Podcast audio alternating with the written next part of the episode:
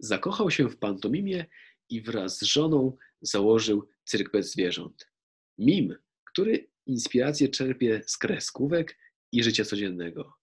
Witam Cię w cyklu Sztuka Życia. Dzisiejsze spotkanie o mówieniu ciałem, a nie słowami poprowadzi Małgosia Głota wraz z Michałem Niewiadomskim, czyli ze mną. No dobra, no słuchaj, to zaczynamy. Pytanie pierwsze. Czyli kim jest Michał Niewiadomski? Wiele razy sobie zadawałem to pytanie i wiele razy też ktoś mnie próbował definiować, bo to jest tak, że ja w różnych grupach, w różnych miejscach pojawiam się jako inna osoba. I jak spotykałem się biznesowo na różnych organizacjach takich networkingowych, no to po prostu byłem prezesem spółki związanej z występami artystycznymi i tam też się pojawiałem właśnie w, takim, w takiej roli. Jak pojawiałem się na studiach MBA, no to po prostu byłem osobą, która szuka wiedzy z zakresu zarządzania, ale też do tego świata cyrkowego. Jak na scenie, no to po prostu wszyscy totalnie wiedzą, że jestem e, mimem albo e, no, cyrkowcem. E, jeśli byłem w teatrze współczesnym, no to aktorem. Ale tak naprawdę ja, jakbym miał sam siebie zdefiniować, to wydaje mi się, że to, to do czego dążę i co uważam za wartość główną, to jest taka wolność moja. Ja po prostu jestem osobą, która się spełnia, tylko w różnych przestrzeniach i w domu się spełniam jako tata i mąż, a w biznesie spełniam się jako przedsiębiorca, który kreuje nowe rzeczy, a na scenie, na, na scenie wchodzę po prostu w swoją rolę i tam się spełniam jako aktor. Co mówisz o biznesie czy o prowadzeniu wykładów na uczelniach brzmi tak bardzo poważnie, ale wiem, bo rozmawiamy nie pierwszy raz, że y, profesja Twoja y, spotyka się czasem z takim mało poważnym podejściem do tematu.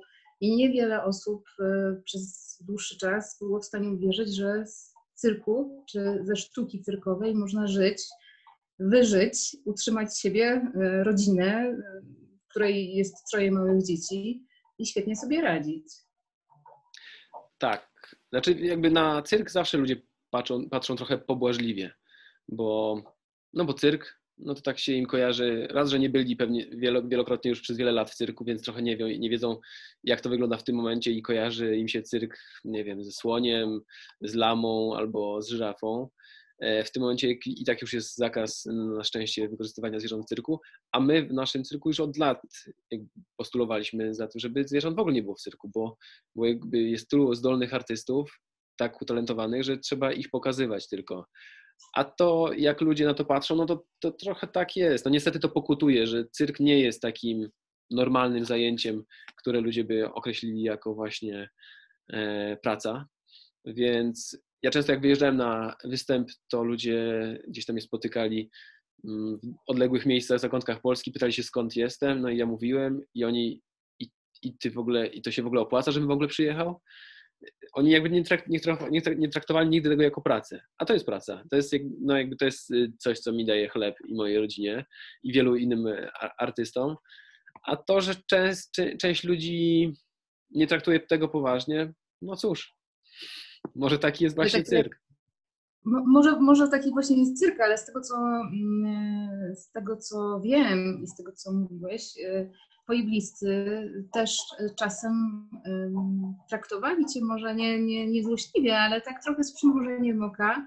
I to, co robisz również, czy ze strony rodziny masz duże wsparcie, czy to jest raczej właśnie tak, y, kurczę, weź sobie znajdź normalną pracę, bo wiesz, można już z tymi tam szczudłami, piłeczkami biegać, no hmm. ile masz lat w chłopie, masz troje dzieci, żonę i weź się brać. No wiesz co, to, to, jest, to jest Gosiu taki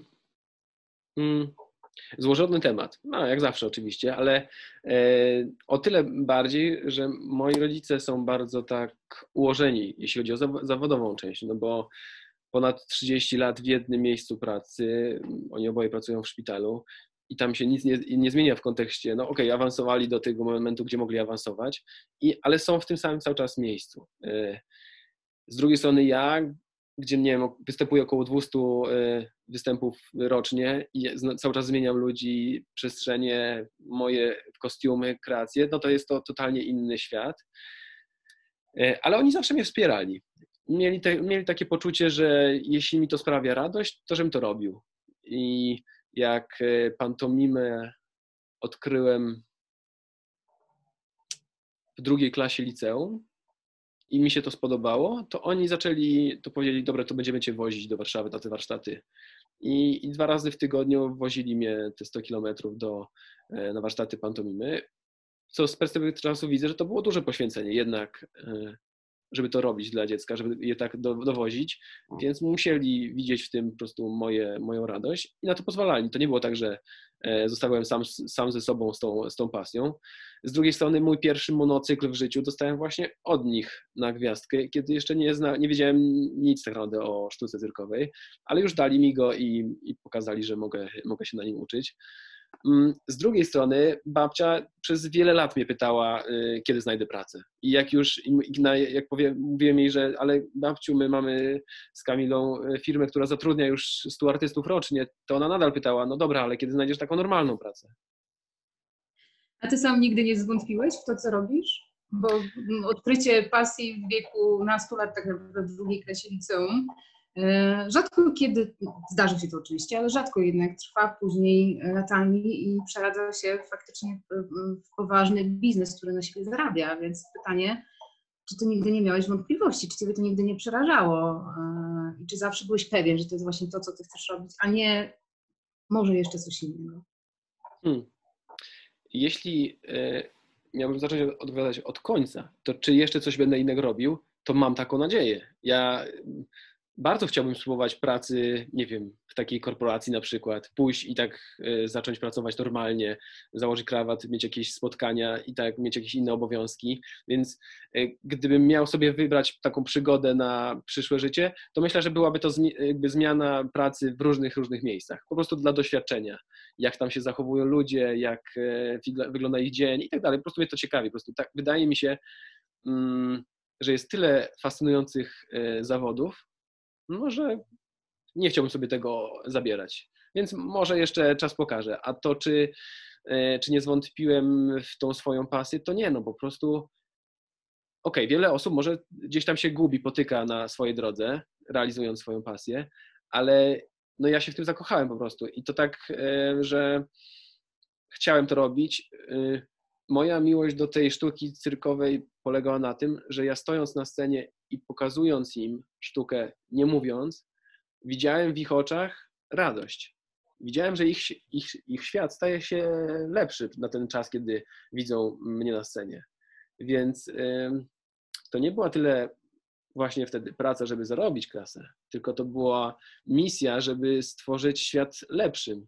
A w, takiej, a w tej misji nie, człowiek się raczej nie potyka. Nawet jak jest trudno, bo nie mówię, że to nie jest trudne, bo, bo wiele nieprzespanych nocy i wiele kilometrów przejechanych dawało mi takie poczucie, że może czasem chciałbym już odpocząć i e, no i może nie ma, nie ma sensu tak gonić. To jeśli tak, to muszę po prostu chwilę odpocząć, zregenerować się i, i wrócić do, do tej swojej sztuki.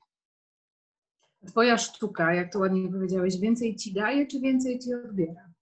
Daje ci satysfakcję, ale odbiera pewnie może trochę jednak poczucie bezpieczeństwa, bo chociażby w takich czasach, jak, e, jakie mamy w ostatnich miesiącach, w czasie pandemii, w tym zamknięciu, to nie jest e, pierwsza rzecz, po którą sięgają ludzie. Hmm. Tak, to prawda. Jakby w pewnym sensie jest to trochę smutne, że mm, jak, jest do, jak było, było dobrze, normalnie, nikt nie myślał o żadnej wirusie, no to to, to występowałem wiele, wiele, wiele i ludzie jakby zamawiali nasze usługi, moje występy i tak dalej.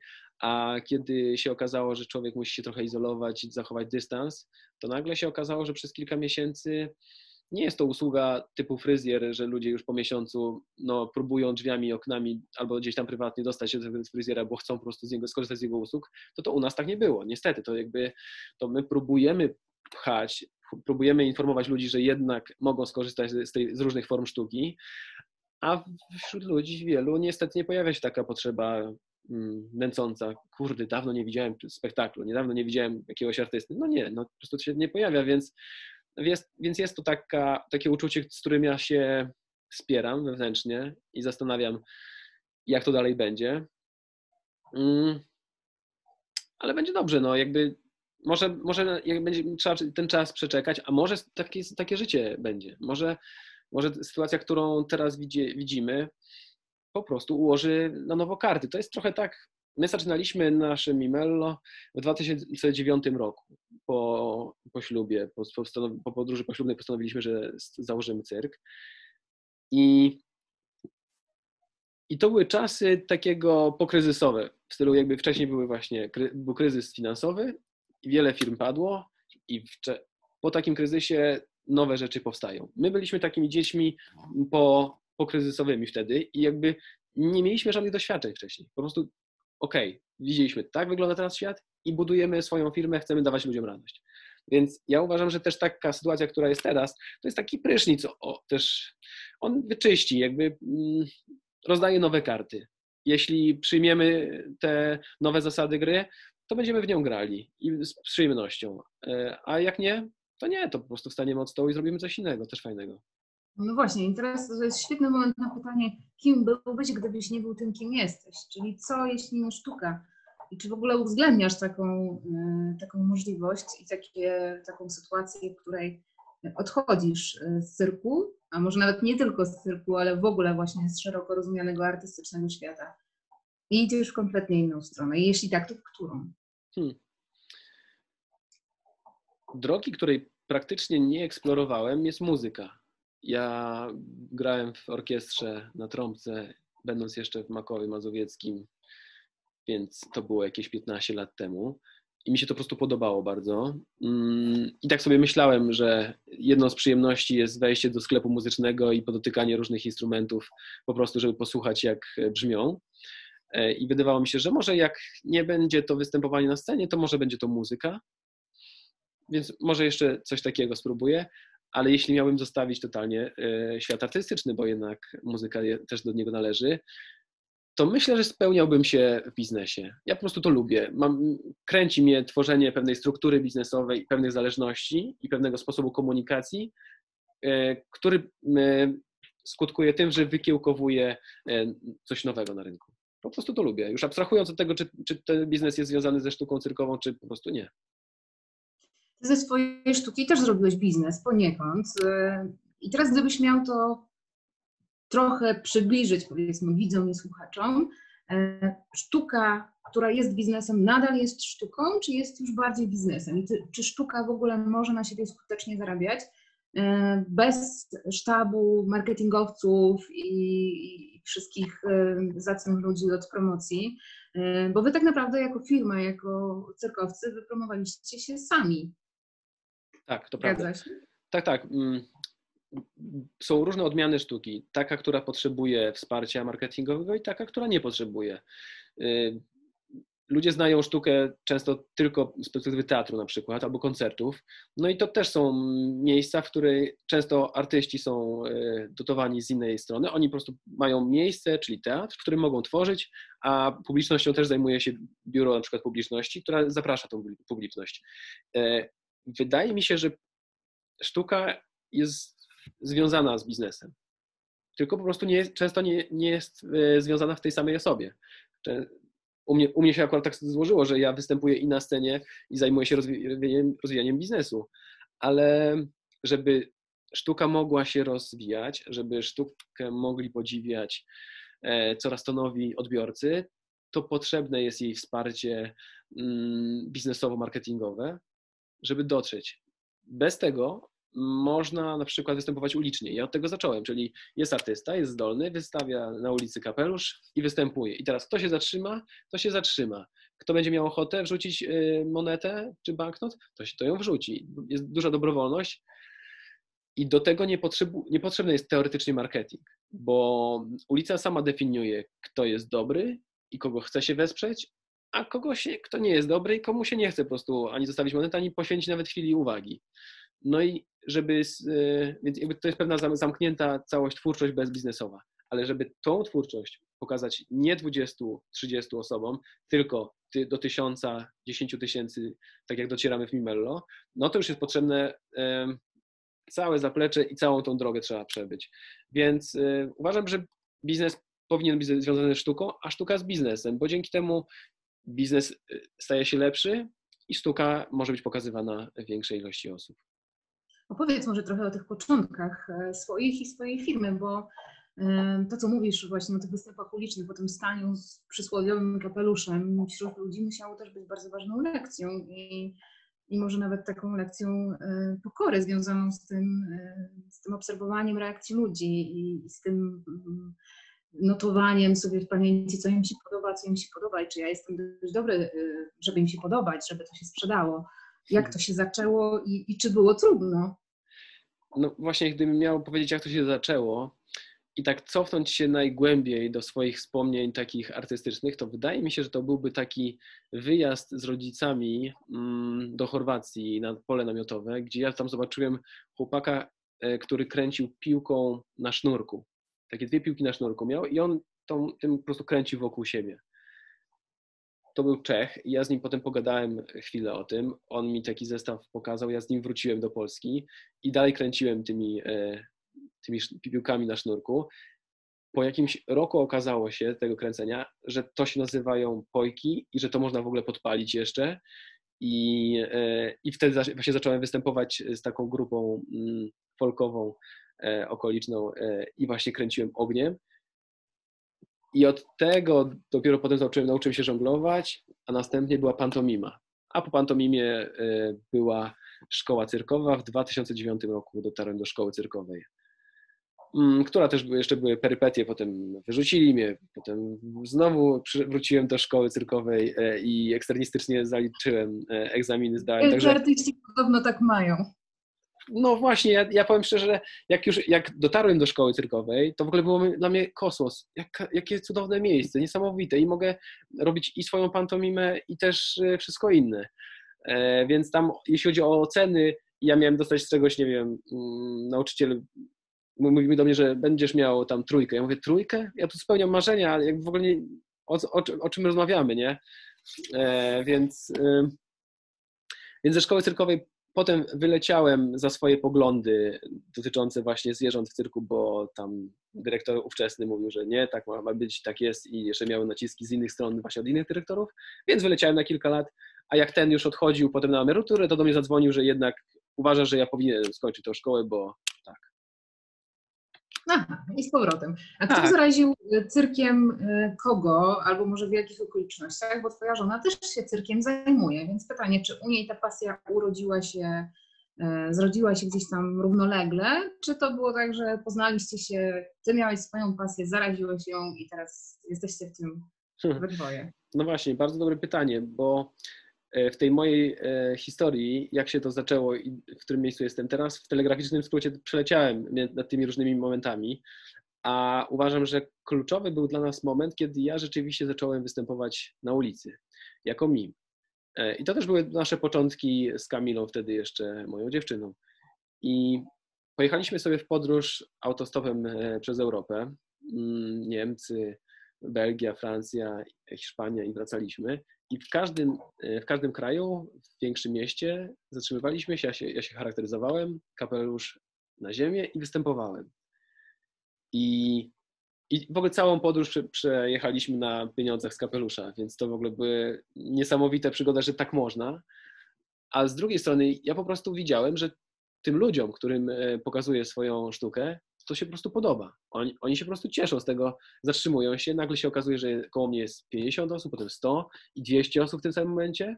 Ja ich wszystkich widzę, on, oni czekają i bez względu na to, w jakim języku mówią, to chcą być przy mnie i rzucać monety. I jak my wróciliśmy po tej trasie, e, i Kamila też to wszystko obserwowała, była tego świadkiem, to doszliśmy do wniosku, że, że chcemy zgromadzić takich e, zdolnych artystów innych i pokazać to publiczności szerszej. Więc ona wtedy chyba, e, wtedy, myślę, że wtedy to był jej pierwszy kontakt z taką e, szeroko rozumianą sztuką cyrkową. I, no i wtedy już zaczęliśmy bardziej na poważnie. Chociaż, chociaż żeby e, postawić przecinek w tej historii, to jak my we dwójkę zdecydowaliśmy się, że zakładamy Mimello, to siedząc y, w naszym pierwszym samochodzie, starym Ford, Fordzie Mondeo Navitosa w Makowie, mówiliśmy sobie, no dobra, to powiedzmy rodzicom, że chcemy na dwa lata, tak na próbę, a potem już znajdziemy normalną robotę.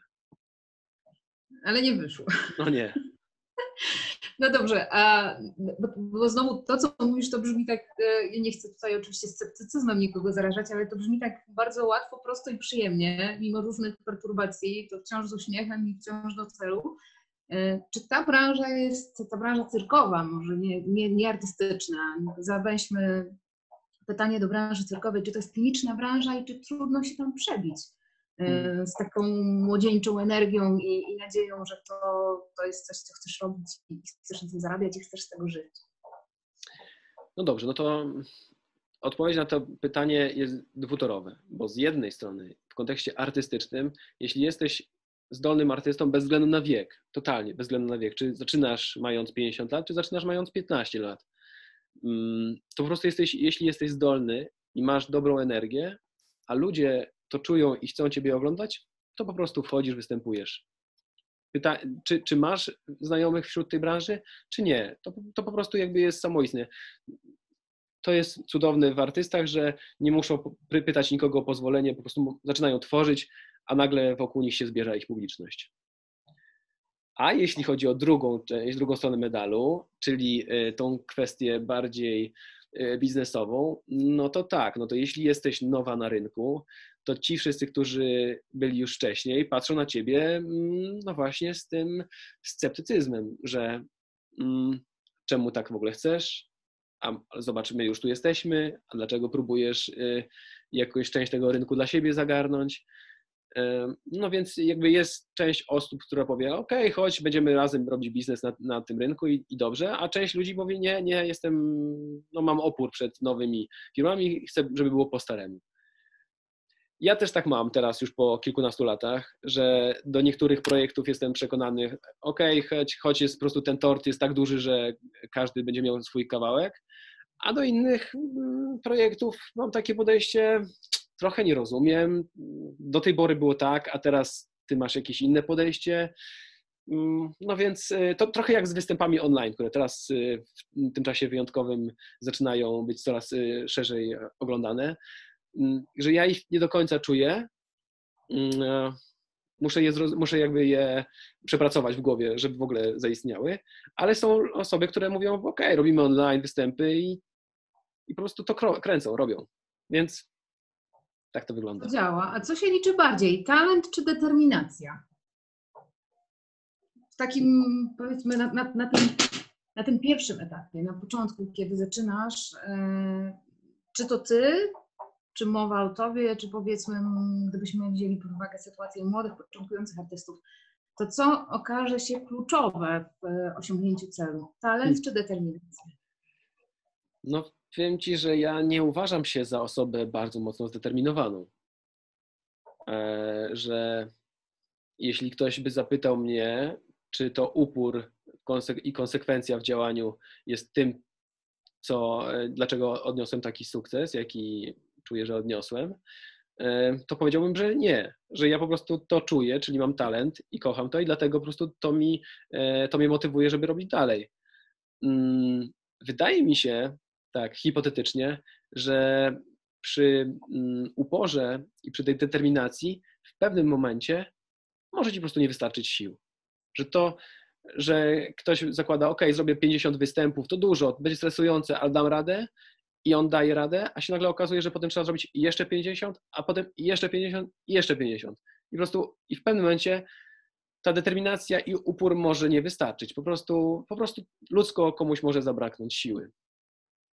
A Gdybyś miał skierować kilka słów powiedzieć do, do młodych adeptów sztuki cyrkowej, którzy być może nas teraz słuchają i oglądają, to co byś im poradził i czy, czy w ogóle zachęcałbyś czy wręcz przeciwnie zniechęcałbyś, tak jak e, kiedyś e, wspomniana babcia, a kiedy sobie znajdziesz normalną pracę, bo to przecież nie jest normalna praca, tylko niepewny byt i, i, i wiele zgryzot. Co byś im powiedział?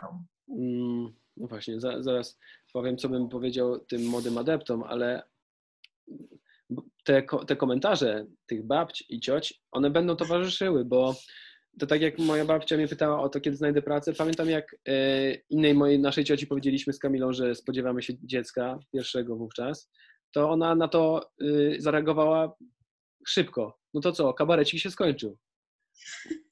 No więc ja sobie myślę potem, hello, jakby, jaki to był etap, to już było jakby naprawdę mocno byliśmy zaawansowani, ale w, w wielu głowach tak to zostanie, bez względu na to, jak e, ten młody artysta, który zaczyna się e, uczyć, będzie doświadczony lub niedoświadczony. Po prostu część ludzi tak już do tego będzie podchodziła. Więc e, to, co mogę mm, powiedzieć do takich młodych, którzy nas może teraz słuchają i którzy gdybają sobie, a może zostałbym takim artystą właśnie rozpoznawalnym, to, mm, to myślę, żeby kierowali się sercem, bo to serce da im siłę do tego, żeby się uczyć, żeby eksplorować, żeby testować, a z drugiej strony to serce też wygeneruje mm, taką siłę e, i wytrwałość w tych różnych takich trudniejszych momentach. I taką siłę fizyczną, bo, bo jak się dużo występuje, to po prostu ciało mocno e, się zubaża i trzeba naprawdę to e, kontrolować, a też dużo potrzebne jest siły psychicznej,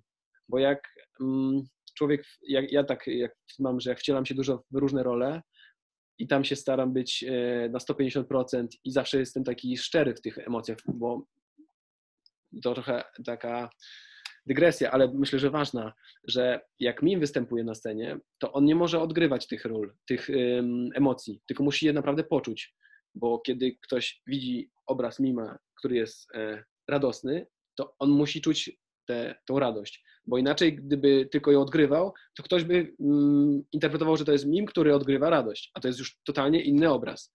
Więc ja w swoich występach sam muszę wykreować te uczucie, które pokazuję na scenie, czy to jest smutne, uczucie czy radosne i jest to pewien taki trochę ekshibicjonizm emocjonalny. Więc ja w momencie, kiedy wychodzę z tej sceny, no to czuję się po prostu słaby i, i dlatego mówię, że ta miłość do tej sztuki pozwoli trochę jak balsam te, te emocje nadwyrężone ukoić.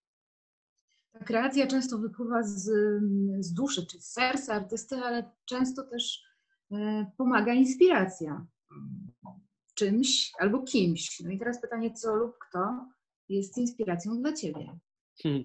Ja miałem różnych nauczycieli. Mm, z pantomimy to był Greg Goldstone, e, Elżbieta, e, Stefan Niedziałkowski, Bartłomiej Ostapczuk, Omar Robles. E, oglądałem filmy Charlie'ego Chaplina, Bastera Keatona, Marcela Marceau, Etienne Decroix. To każdy z nich ma jakąś tam swoją linię artystyczną ale najbliżej tak naprawdę mi było chyba do Grega Goldstona, bo jemu też było bliżej do takiej e, komedii ciała trochę kreskówkowej. Ja dużo oglądałem też kreskówek i, i tak, żeby ktoś, kto słucha, a kto nie ma kontaktu z, z pantomimą, żeby zrozumiał, o co mi chodzi. W kreskówkach jest bardzo mm, dobra, czysta komedia. Kojot goni, strusia pędzi wiatra, tamten robi mu numer, kojot wylatuje poza skały, uświadamia sobie, że jest już poza skałami i nie, do, nie ma kontaktu z, z, z, ziemią, rzuca nam spojrzenie w stylu, że on już wie, że coś się za chwilę stanie i wtedy spada. I y, tam jest bardzo to przełożone. I ja tak samo też lubię tak, taką komedię, która jest mm, czysta, śmieszna, zabawna i taka treściwa. Dalej mi do takich e, artystycznych mm, wywodów, może jeszcze przede mną takie, ale na ten moment najbardziej lubię taką e, pantomimę kreskówkową. Mm, Ireneusz Krosny jest e, takim mimem, którego zna cała Polska, który skoncentrował się właśnie na kabaretach i on ma właśnie taką pantomimę kabaretową. Ona jest blisko, e, bo ta moja pantomima, powiedzmy, nazwijmy ją kreskówkową, jest pomiędzy tą kabaretową, którą ma Irek, a pomiędzy tą teatralną, która się wydarza w teatrach. Więc jeśli miałbym powiedzieć, czym się inspiruje, no to mógłbym że się inspiruje kreskówkami. Kojotem i strusiem, to bardzo dobrze. Wszyscy znamy kojota i strusia. A marzenie, którego jeszcze nie udało Ci się spełnić, a chciałbyś artystycznie? Oj, nie wiem. To one bardzo często się pojawiają, różne, bo ja mam tak, że mam jakieś wizje takie e, rozwoju, ale często te wizje to są takie dwuletnie, bo ja jak sobie wybiegam w przód, to ciężko mi siebie znaleźć za, za 10 lat, za 20, za 30. Po prostu tak bardzo świat się zmienia. Mm, nasz nawet mój, taki, że y, mimellowy, który zakładaliśmy i mieliśmy zrobić tylko na dwa lata i potem już wrócić znaleźć normalną pracę. Po dwóch latach się okazało, że to już jest nieźle rozkręcona firma z nowymi osobami. Po, po następnych dwóch latach okazało się, że byliśmy w półfinale Mam Talent. Po kolejnych dwóch latach i tak dalej, i tak dalej. Po prostu mm, ciężko mi wybiegać w przód o wiele lat, ale gdybym miał mówić o takich e, marzeniach artystycznych, które chciałbym, żeby się spełniły, to zawsze myślałem o tym, żeby powstał w Polsce stacjonarny cyrk. Bo na zachodzie od Polski są cyrki stacjonarne, na wschodzie też są cyrki stacjonarne, a w naszym kraju nie ma ani jednego. Więc ja, ja uważam, że sztuka cyrkowa, ta nowa sztuka cyrkowa, którą, którą tworzymy i inni artyści również tworzą, jest przepiękna i jest taka, która łączy w sobie teatr, operę, mm, koncerty, sztuki wizualne, taniec i jest to coś, na co ludzie powinni i mogliby chodzić częściej i powinni to odkryć po prostu. Więc y, cyrk stacjonarny to, to jest jedno z moich marzeń artystycznych. Cyrk stacjonarny bez zwierząt. Tak, oczywiście.